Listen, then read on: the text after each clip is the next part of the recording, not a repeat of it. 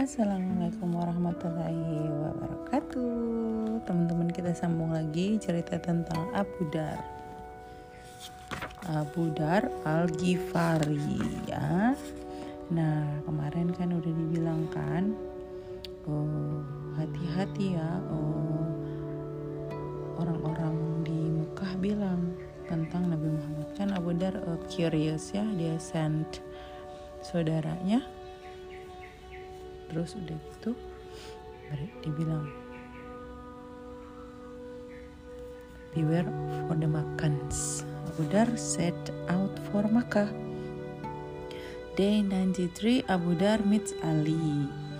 Abu Dar set out for Makkah. Akhirnya karena dia nggak puas sama adiknya saudaranya eh, berita dari brothernya dia memutuskan untuk pergi sendiri.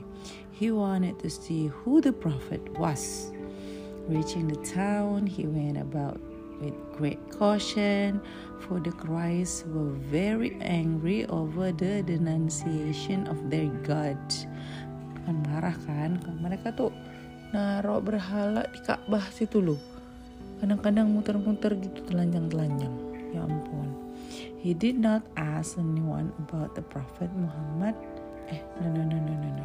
Having heard of the viciousness and cruelty with which they treated the believer, he did not ask anyone about the Prophet Muhammad. Jadi dia pas datang nih, dia nggak nanya-nanya, eh ini mana, ini mana gitu, dia diem-diem.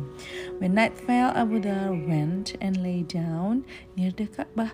Just by chance, Ali bin Abi Talib passed by.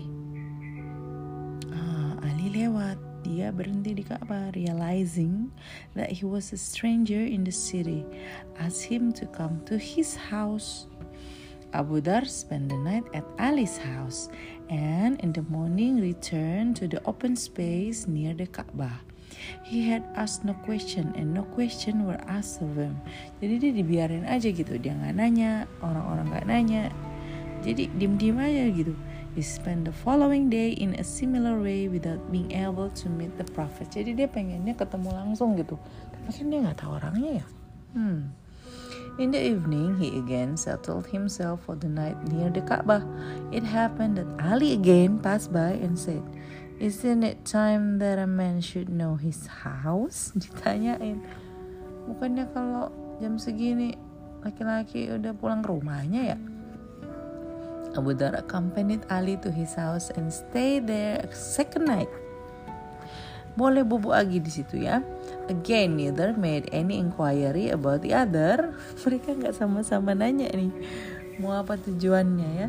Again, on the third day, Ali brought him to stay at his home. Tiga kali tuh.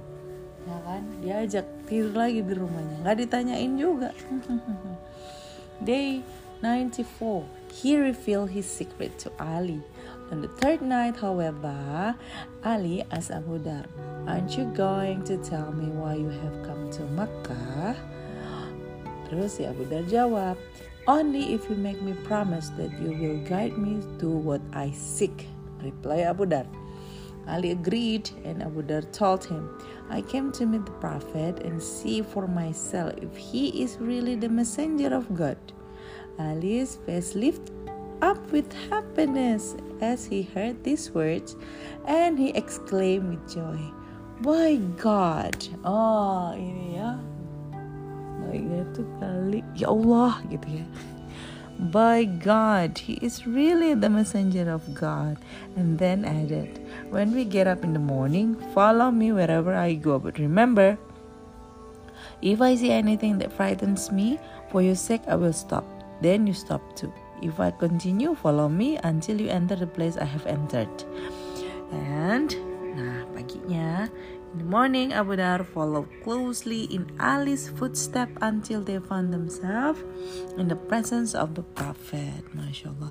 The Prophet welcomed Abu Dhar and invited him to Islam. Abu Dhar could not believe his luck. He became a Muslim there and then. Ya ampun, tiga hari, tiga malam. Dia nyari-nyari Nabi ya. Hmm, akhirnya ketemu juga. Oke, nanti kita sambung lagi ya cerita tentang Abu Dar. Bye, see you soon.